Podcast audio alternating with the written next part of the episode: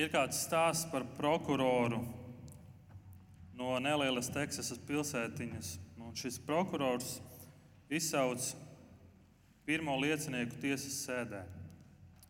Šis liecinieks bija tāds vecmāmiņas tipa sieviete, un e, šis prokurors jautā šai sievietei, Džonsa kundze, vai jūs mani pazīstat? Uz ko viņa atbildēja, es jūs pazīstu, Viljamsa kungs. Es jūs pazīstu kopš bērnības, un godīgi sakot, jūs esat bijis ļoti liela vilšanās. Jūs melojat, jūs krāpjat savu sievu, manipulējat ar cilvēkiem un runājat par viņiem aiz muguras. Jūs domājat, ka esat kāds liels veiksminieks, bet jums nav tik daudz prāta, lai saprastu, ka esat nekas vairāk kā papīra stūmējs. Jā, kungs, es jūs pazīstu. Advokāts bija apstulbis. Nezinādams, ko vēl darīt, viņš norāda pāri telpai un jautāja, Viljams, kundze, vai jūs pazīstat aizstāvības advokātu? Viņa atbildēja, Jā, es to pazīstu. Es pazīstu Bredlija kungu arī kopš viņa bērnības. Patiesībā es mēdzu viņu auklēt viņa vecākiem. Arī viņš ir bijis patiesa vilšanās. Viņš ir slings, fanātisks un viņam ir problēmas ar dzeršanu. Vīrietis nevar ne ar vienu nodibināt vai uzturēt pienācīgas attiecības. Un viņa jurista praksa ir viena no sliktākajām visā štatā. Jā, kungs, es arī viņu pazīstu. Pūlis sāka kurnēt, un trokšņa līmenis tiesas zālē pieauga līdz nepieņemamam līmenim, visiem cilvēkiem reaģējot uz tikko teikto.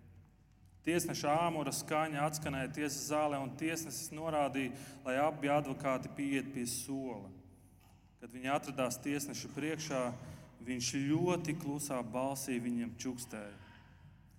Ja kāds no jums jautās, vai viņa mani pazīst, es likšu jūs iemest cietumā par nicinājumu. Kāpēc šis notikums, kāpēc šis stāsts, kāpēc tiesas zāle? Tāpēc, ka šodien mēs domāsim par. Ah, es gribu, lai mēs iztēlojamies, ka mēs atradīsimies tādā kā tiesas zālē. Un mēs šodien domāsim par liecībām, par liecināšanu. Un kāpēc šī tēma šodien, kāpēc mēs par to domāsim? Vienkārši, ja mēs paskatītos uz šodienas tekstu, mēs ieraudzītu kādu lietu, un mēs varētu izsvecināt kādu svarīgu tēmu, jeb virzienu, ko vēstules autors grib mums pateikt. Jo palūkojoties vienu šo tekstu, mēs redzam, ko Jēzus saka. Ja es liecinu, ir cits, kas liecina. Viņa liecība, viņš ir apliecinājis, pieņemu liecību, lielāka liecība nekā Jāņa liecība. Liecība, liecinātājs liecina. Un tur redzat, šajā tekstā ir pilns ar liecībām, liecināt, vārds, kas ir lietvārda un darbības vārdu formā. Tas vien nozīmē, ka autors grib kaut ko mums pateikt. Tas vien nozīmē, ja tu kādreiz, ja tu lasi Bībeli savā ikdienā, un tu pamani, ka kāds vārds atkārtojas, tas vien nozīmē pievērstam uzmanību. Pievērstam uzmanību. Un liecinieki šī ir viena no Jāņa evaņģēlīja tēmām, kad viņš runā par lieciniekiem par liecību. Un, uh, ir citas tēmas, par ko Jānis runā. Viņš runā par gaismu, viņš runā par tumsu, bet liecinieki ir vēl viena tēma, par ko Jānis runā. Un, ja šodien uz ielas mums kāds pajautātu, kāpēc tu tici? Kāpēc tu tici? Kāpēc tu, tici? Kāpēc tu ej baznīcā? Kāpēc tu tici Jēzum Kristum? Tad uh, es domāju, ka atbilde vienkārši tāpēc, ka Jēzus dzīvo manā sirdī, īsti nebūtu pietiekami. Ne? Tu pajautātu budistam, un viņš varētu tāpat atbildēt, tāpēc, ka Buda dzīvo manā sirdī. Un tu saproti, tā atbilde īsti nebūtu pietiekama. Un, un šodien, arī uz šodienas fona, uz tā, kas notiek pasaulē, tu redzi, cilvēki meklē pierādījumus, liecības, pamatojumu tām, kāpēc notiek tas, kas notiek.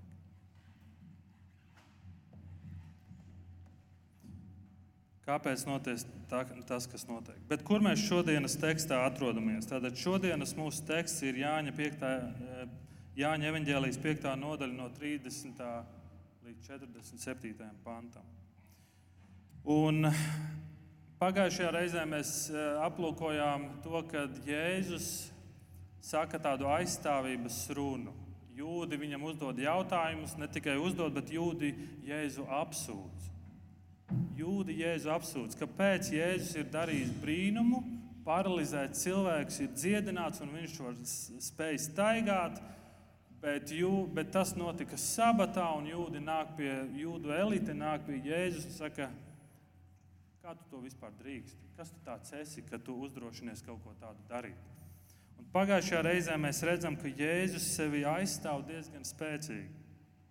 Jēzus apgalvo, ka viņš un Dievs Tēvs ir viens. Darbi, ko Jēzus dara, ir Dieva tēva darbi.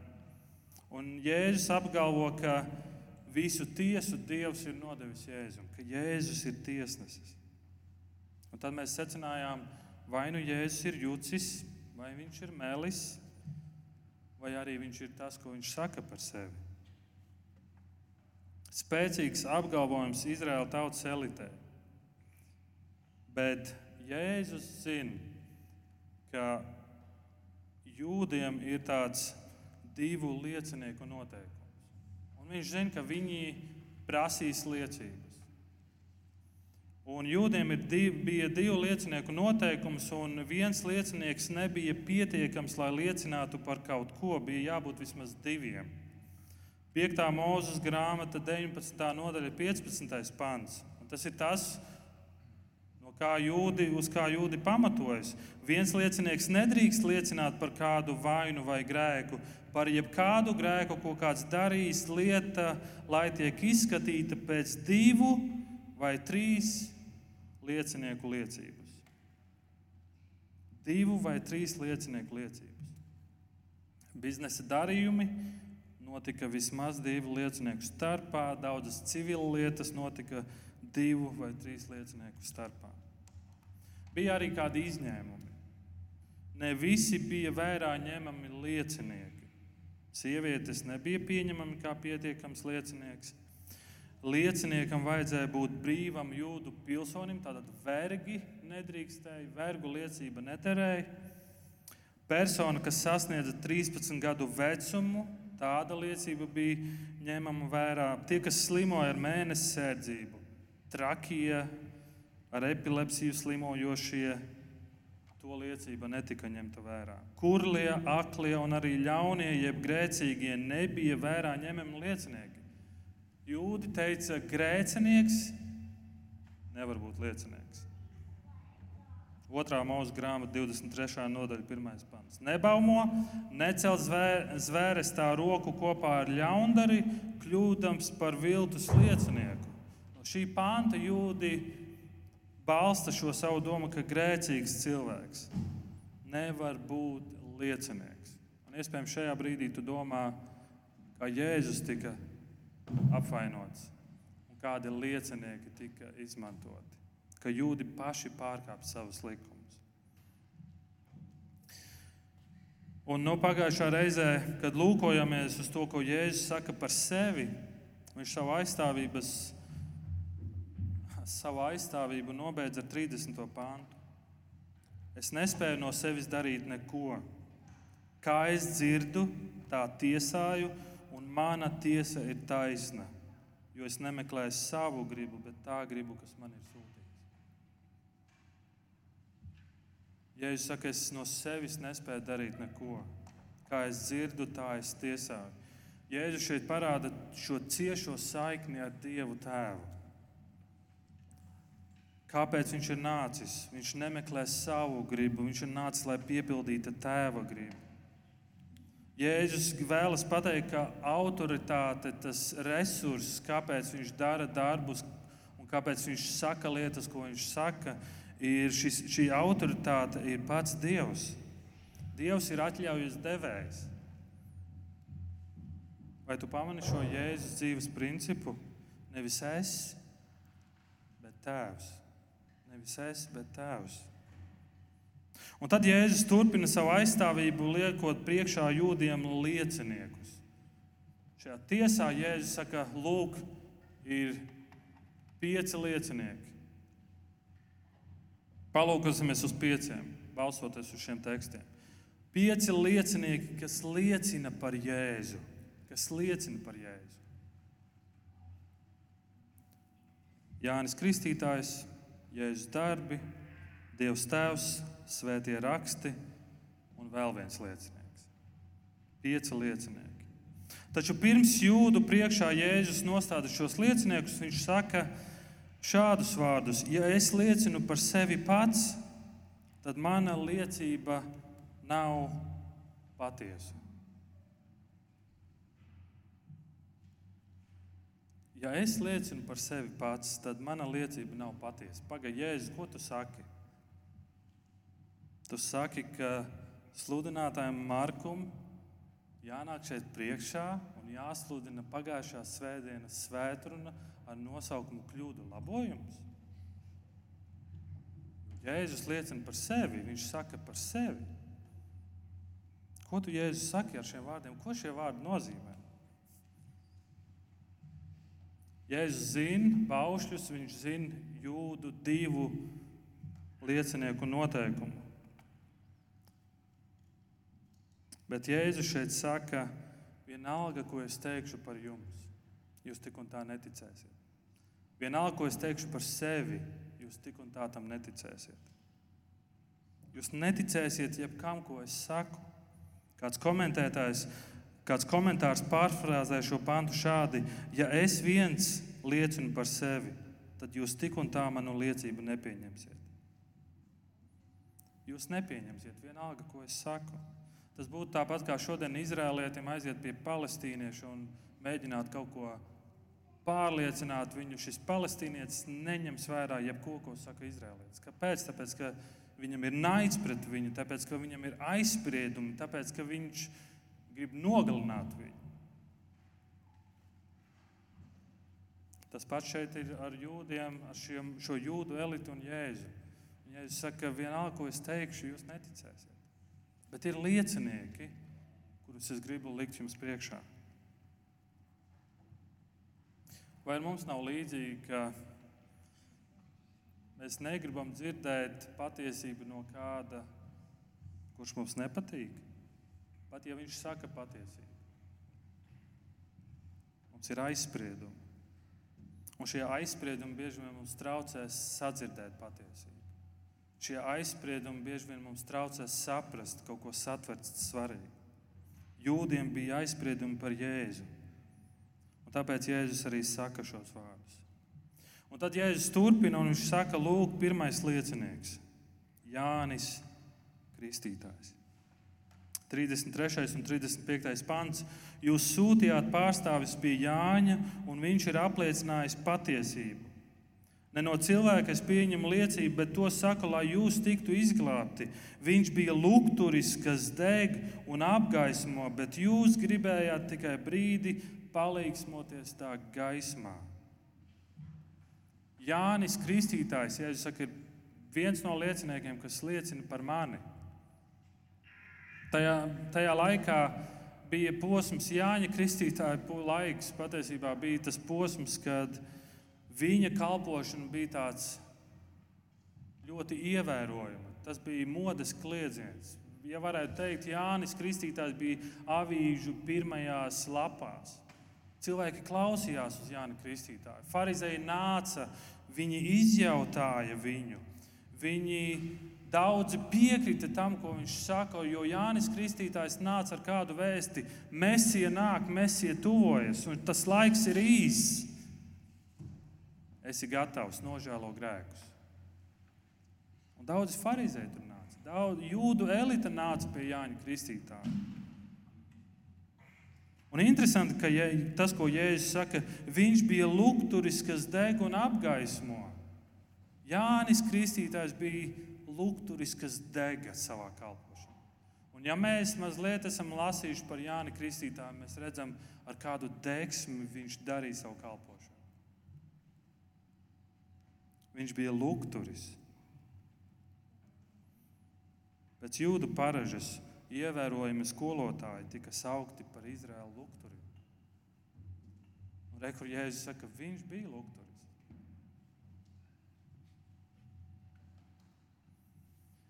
Taču izskatās, ka Jāņa Kristītāja kļūda bija tā, ka viņš sāka teikt, ka Mesija ir Jēzus Kristus.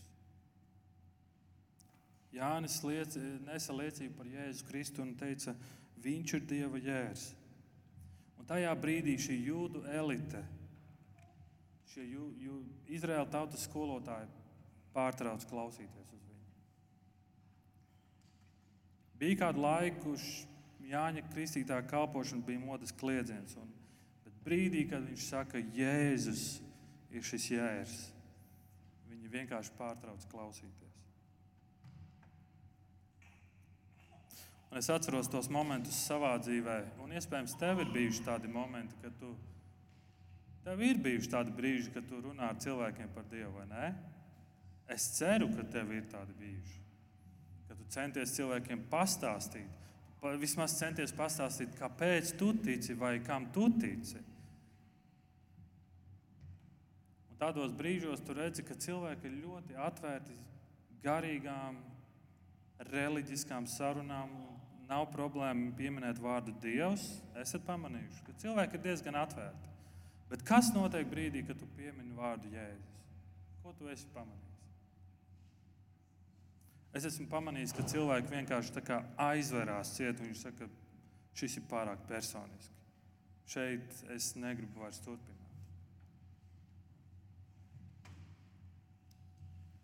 Šeit es negribu vairs turpināt. Un Jēzus saka, ne no cilvēka es pieņemu liecību, bet to saku, lai jūs tiktu izglābti. Vai Jēzus varēja iztikt bez Jāņa liecības? Jēzus saka, ka cilvēku liecība nav lielākā, kas liecina par Jēzu. Bet lūk, ir iemesls, kāpēc Jānis tiek sūtīts, lai jūs tiktu izglābti. Jāņa liecība ir, lai viņš liecinātu par mani un kāpēc, lai jūs tiktu izglābti. Vai tu pamani Dieva sirdi šajā liecinieku sūtīšanā? Kad tu diskutē par ticības lietām ar kādu, kas ir tavs mērķis? Lai uzvarētu argumentu, vai uzvarētu šajā diskusijā, vai es gribu, lai tu saproti, es gribu, lai tu sāc ticēt, es gribu, lai tu sāc domāt Es gribu, lai tu iedziļinies. Kas ir tava motivācija? Kāpēc tu ar cilvēkiem diskutē? Un Jēzus motivācija šeit nav, lai uzvarētu diskusijā.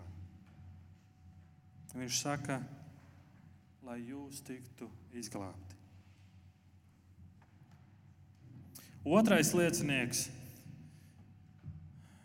ir darbi. Jānis Kristītājs nav vienīgais, ko jūdi ignorē. Tie bija arī Jēzus darbi. Un Jēzus 37. pantā saka, man ir lielāka liecība nekā Jāņa liecība, jo tie darbi, kurus Tēvs man ir devis, lai tos izdaru līdz galam, šie paši darbi, ko es daru, liecina par mani, ka mani ir sūtījis Tēvs. Ka mani ir sūtījis Tēvs. Jēzus darbi, Jēzus brīnumi, ko viņš ir darījis, tie tiek darīti, lai pasaulē būtu liecība par to, kas tad ir Jēzus. Vai viņš bija vienkārši skolotājs, labs orators, vai tomēr viņš bija kaut kas vairāk, un kas liecina, ka viņš bija vairāk? Tie ir Jēzus darbi, tie ir Jēzus brīnumi. Kad viņš apklusina jūru, mācekļi jautā, kas viņš tāds ir.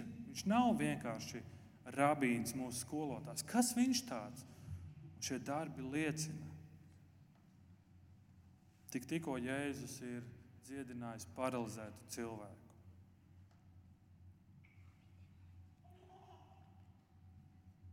Viens no jūdu elites, jūs atceraties, vārdā Nikodēms. Viņš atnāk, atnāk pie Jēzus.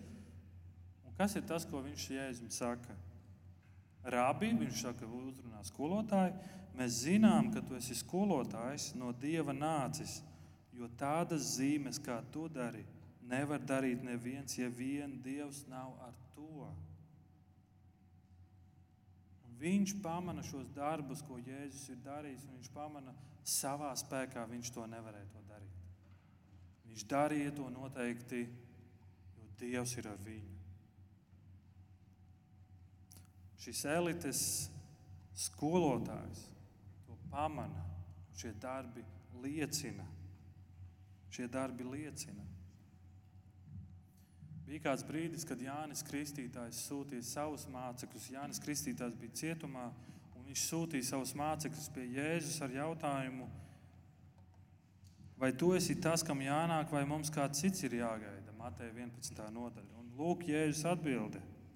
Ej un saki Jānim visu, ko dzirdat un redzat. Akli redz, kropli staigā, spitālīgi top šķīstīti, kurli dzird mirušie augšām ceļus, un nabagiem tiek sludināta prieka vēsts. Un laimīgs ik viens, kas manis dēļ neapgrēcinās. Lūk, Jēzus atbildē. Paskaties uz maniem darbiem. Paskaties, kādus darbus es daru Dievā.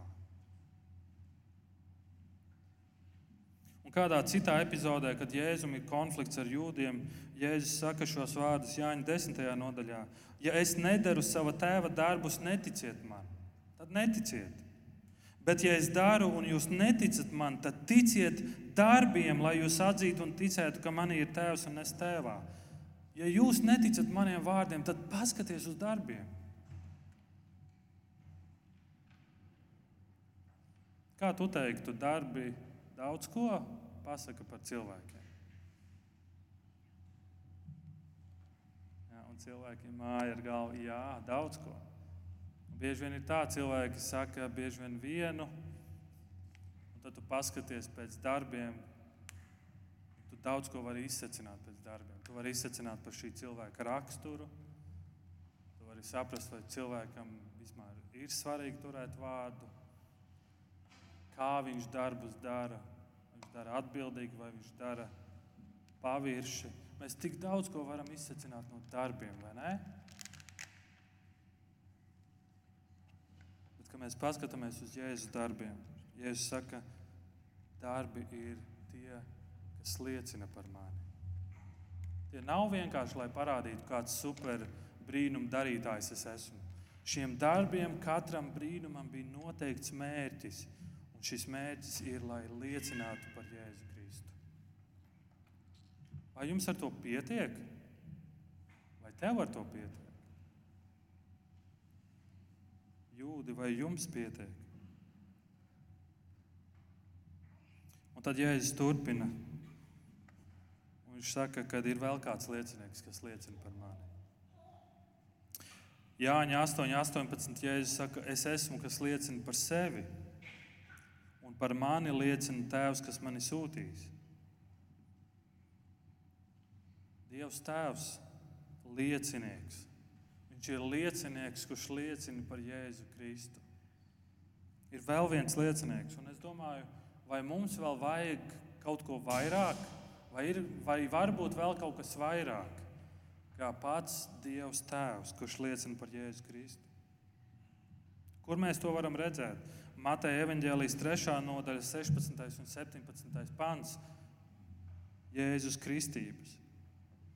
Jēzus iznāk no ūdens. Mēs lasām, debesis atvērās. Vai viņš bija viens pats tajās kristībās? Tur bija daudz cilvēku apkārt. Mēs redzam, debesis atvērās. Un viņš redzēja dieva garu nākam kā balodi un nolaižamies uz viņu, un redzi, balss no debesīm sacīja: Šis ir mans mīļotais dēls, uz ko man labs prāts. Pats Dievs Tēvs liecina par Jēzu un saka, Viņš ir mans dēls. Un Dievs nesaka vienkārši, Viņš ir mans dēls. Tur ir teikts, Viņš ir mans mīļotais dēls. Kādā citā situācijā Jēzus uzkāpa kalnā Un uh, Mateja evanģēlijā rakstīts, ka Jēzus godība tiek parādīta, Jēzus tiek izgaismots. Un tur ar viņu bija arī kādi liecinieki, kādi mācekļi. Jūs zināt, cik bija mācekļi? Divi. Tur bija Pēters un tur bija Jānis. Tur bija divi liecinieki, kas to liecināja. Un tas, ko viņi, ko viņi piedzīvo. Un Pēters, kad viņš redz šo, šo Jēzus godību, un kad viņš šo visu piedzīvo un redz, viņš saka, kungs, šeit mums ir labi. Mateja 17. nodaļa. Kungs, šeit mums ir labi. Ja tu gribēsi šeit uzcelšu trīs teltis, un vēl vienu mūzu, un vēl vienu elijam, es zinu, kā teltis būvēt. Un kad viņš tur runā, Pēters iespējams savā apjukumā tur runā, pēkšņi spod, spoža padebesis to apēno, un pēkšņi balss no padebeša atskanēja. Šis ir mans mīļotais dēls, uz ko man labs prāts. Klausiet viņu. Dievs Tēvs liecina par Jēzu Kristu. Dievs Tēvs liecina par Jēzu Kristu. Bet šie nav vienīgie notikumi, kad Dievs Tēvs liecina par Jēzu. Šie nav vienīgie notikumi, šīs, šīs nav vienīgās epizodes. Patiesībā Dievs Tēvs liecina daudz vairāk, un tas ir saistīts ar nākamo liecinieku. Un šis nākamais liecinieks ir svētie raksti. Un patiesībā Dievs Tēvs caur svētajiem rakstiem nepārtraukti liecina par Jēzu Kristu. Ja tu būtu vecās derības tāds rīktīgs students un studētu ebreju, senebreju valodu un gribētu izstudēt veco derību, vienu lietu tu pamanītu, kā Dievs Tēvs caur dažādiem cilvēkiem liecina par Jēzu Kristu.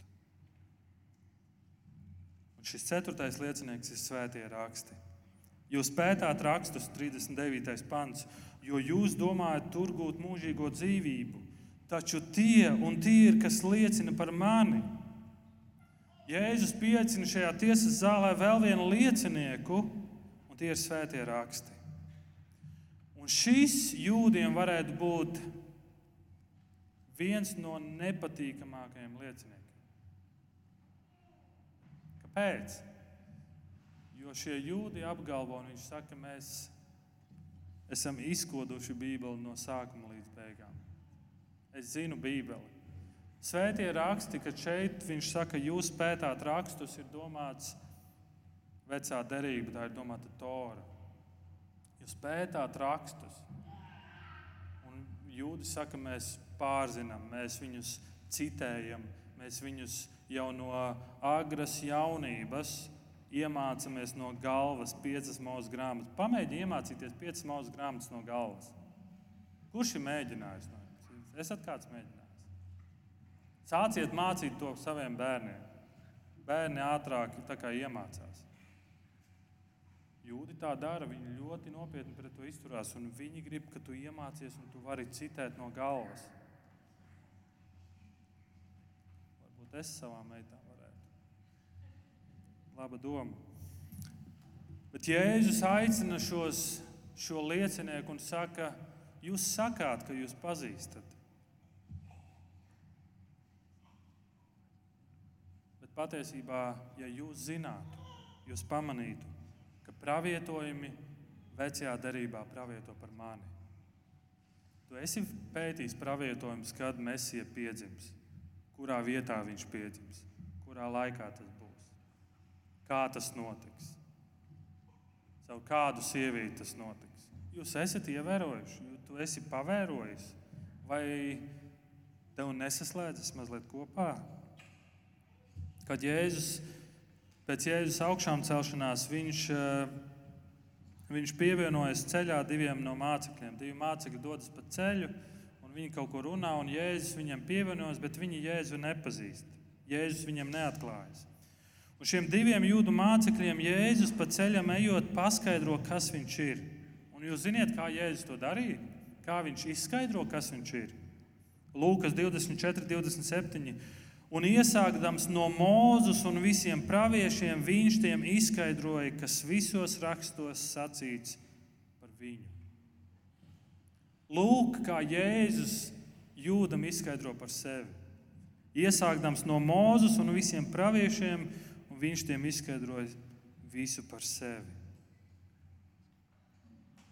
Jēzus saka, pagaidi, tu saki, tu pazīsti, tu zini rakstus.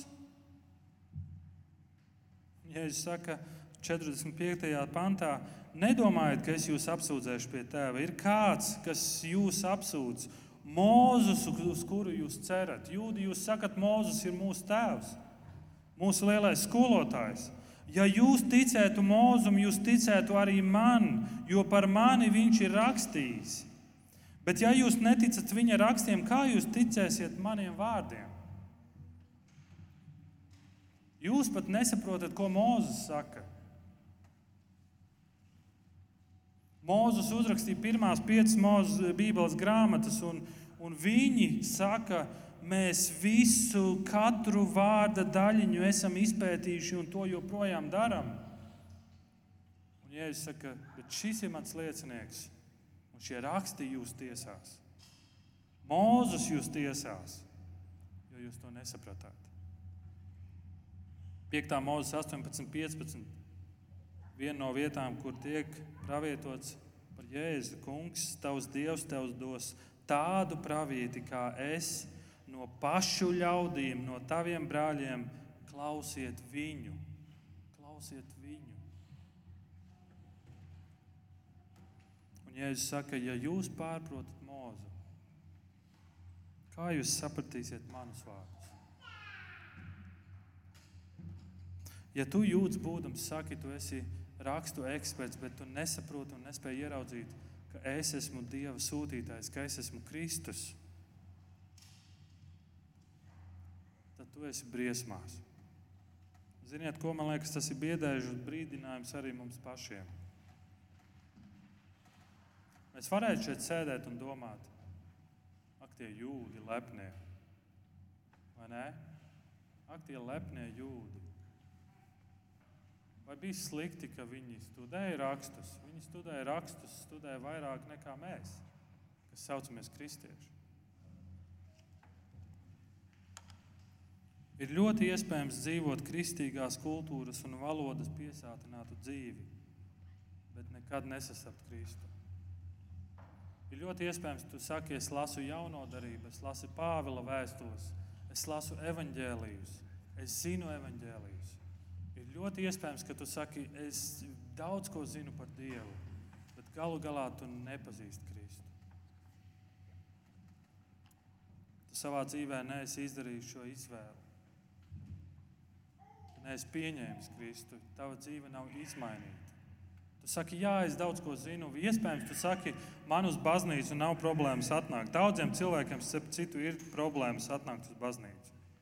Tāpēc visi, kas klausās online, ja tu domā, vai es drīkstu nākt uz Vīlandi, tad tu drīksti nākt uz Vīlandi un sakiet to saviem draugiem. Ikvienam šī baznīca ir atvērta. Bet daudziem tā nav problēma. Mēs nākam un, un es saku, un to es zinu, un Raimons, starp citu, es to pantu zināju, un es zināju to tavu domu. Es daudz ko zinu.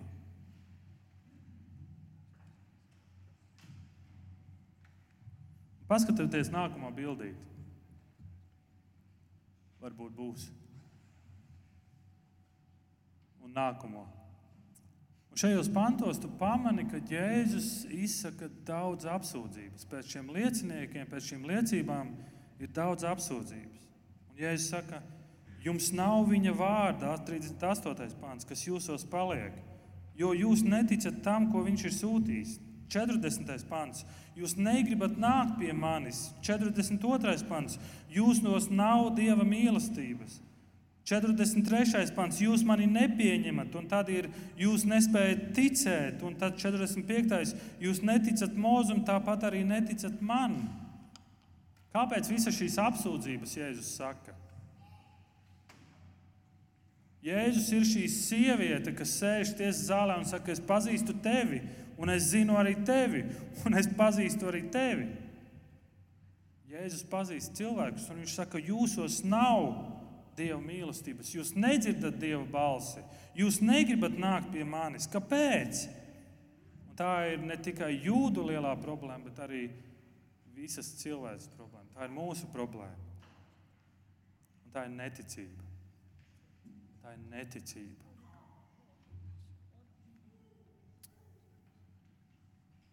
Vai tu atceries, kas ir Jāņa evanģēlīja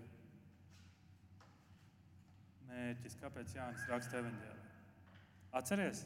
Mēs to tik bieži esam teikuši. Tev noteikti vajadzētu atcerēties. 20. nodaļa, 31. pants. Lai jūs ticētu, ka Jēzus ir Kristus. un jums viņā būtu dzīvība. Un Jēzus saka, bet jūs negribat nākt. Lūk, šī cilvēka lielā problēma. Cilvēki negrib nākt pie Jēzus Kristus. Cilvēks pēc būtības. Viņš negrib nākt pie Jēzus Kristus. Kāpēc? Kāpēc tas tā notiek? Un lūk, ir iemesls 44. pants. Kā jūs varat ticēt? Godu viens no otra pieņemdami, bet to godu, kas ir no vienīgā dieva, to jūs nemeklējat. Lūk, ir iemesls, kāpēc mēs negribam nākt pie Kristus. Un viņš to saka jūdiem. Viņš saka, lūk, ir iemesls, kāpēc jūs negribat man ticēt un negribat nākt pie manis. Jo jūs godināt viens otru, jūs simpatizējat viens otram, jūs izpatīkat viens otram, bet dieva godu jūs nemeklējat. Jūs nedomājat, kas dievam patīk. Kas, ko Dievs šajā brīdī domā? Kas ir Dieva prāts šajā situācijā? Jūs tik sevi ceļat, jūs tik viens par otru. Mēs esam šeit superīgie jūdi un mēs vispār visu darām pareizi. Un, ja es saku, un šis ir iemesls, kāpēc tu nenāc pie manis. Tu nevēlies nākt pie Jēzus, tu nevēlies Jēzum ticēt, jo centrā esi tu, tavi plāni tavi likumi, tavi noteikumi. Esi tu.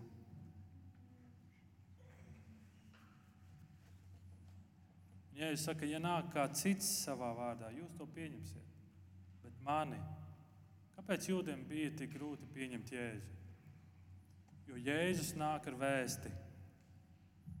Nevis es, bet Tēvs.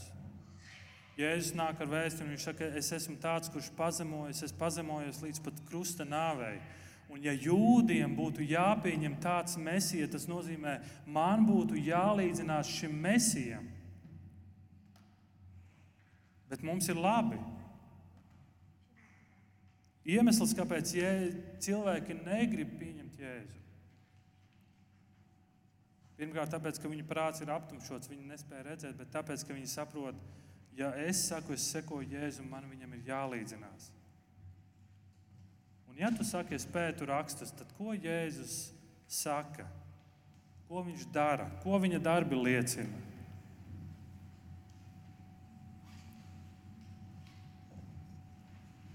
Tāds mesija viņiem nepatīk. Viņi saka, nē, šī tāds mesija, nē, nē, nē. Viņš vēl teiks, mēs nepareizi tautu mācām. Nē, nē, nē. Tāds mēsija man nedara. Lūk, mūsu lielā problēma. Mēs negribam nākt pie Jēzus, bet tā problēma ir vēl lielāka. Mēs paši nespējam nākt pie Jēzus. Mēs paši nespējam nākt pie Jēzus. Un tāpēc, bet, bet ir risinājums, un tāpēc es to nosaucu par piekto liecinieku par liecinieku numur 5. Jūdu un arī mūsu galvenā problēma nav intelektuāls pierādījumu trūkums. Nevis trūkums, nevis pierādījumu trūkums ir mūsu problēma. Jēzus saka, man ir liecinieks Jānis Kristītājs, mani darbi liecina pats Dievs Tēvs, svētie raksti.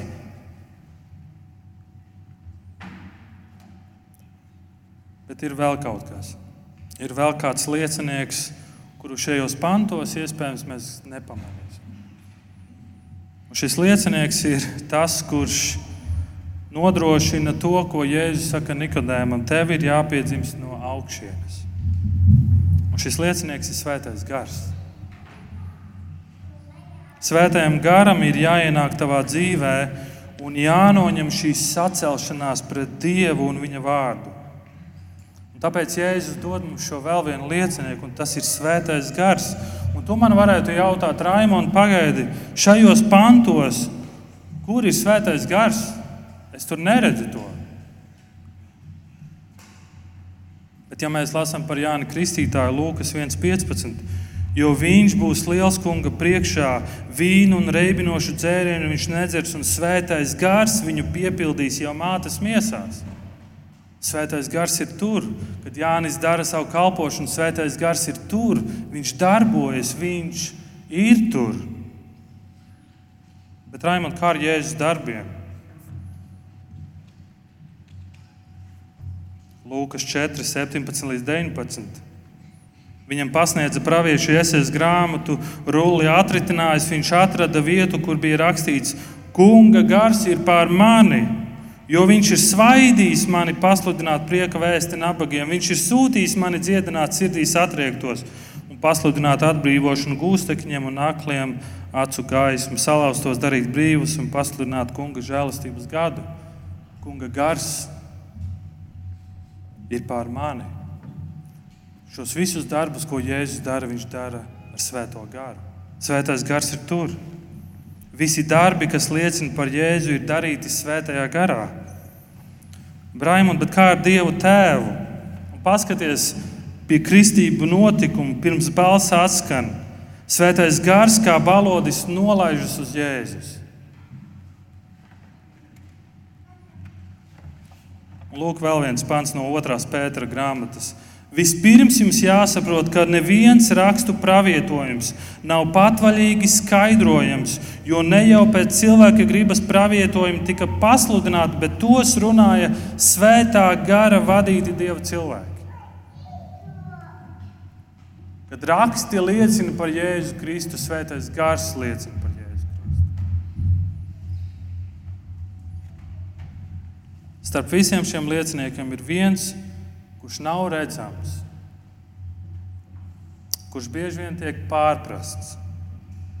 Vai nu par viņu klusē, vai ar viņu baida. Bet tas ir Dievs, Svētais Gars. Un tu redzi, šajā visā skaistajā notikumā ir trīsvienības darbs. Tur ir Dievs Tēvs, tur ir Dēls un tur ir Svētais Gars. Un tāpēc es teiktu, tā, mīļā draudzene, mums ir jāapzinās, mums nav jābaidās no tā, kurš dara mūsu dzīves.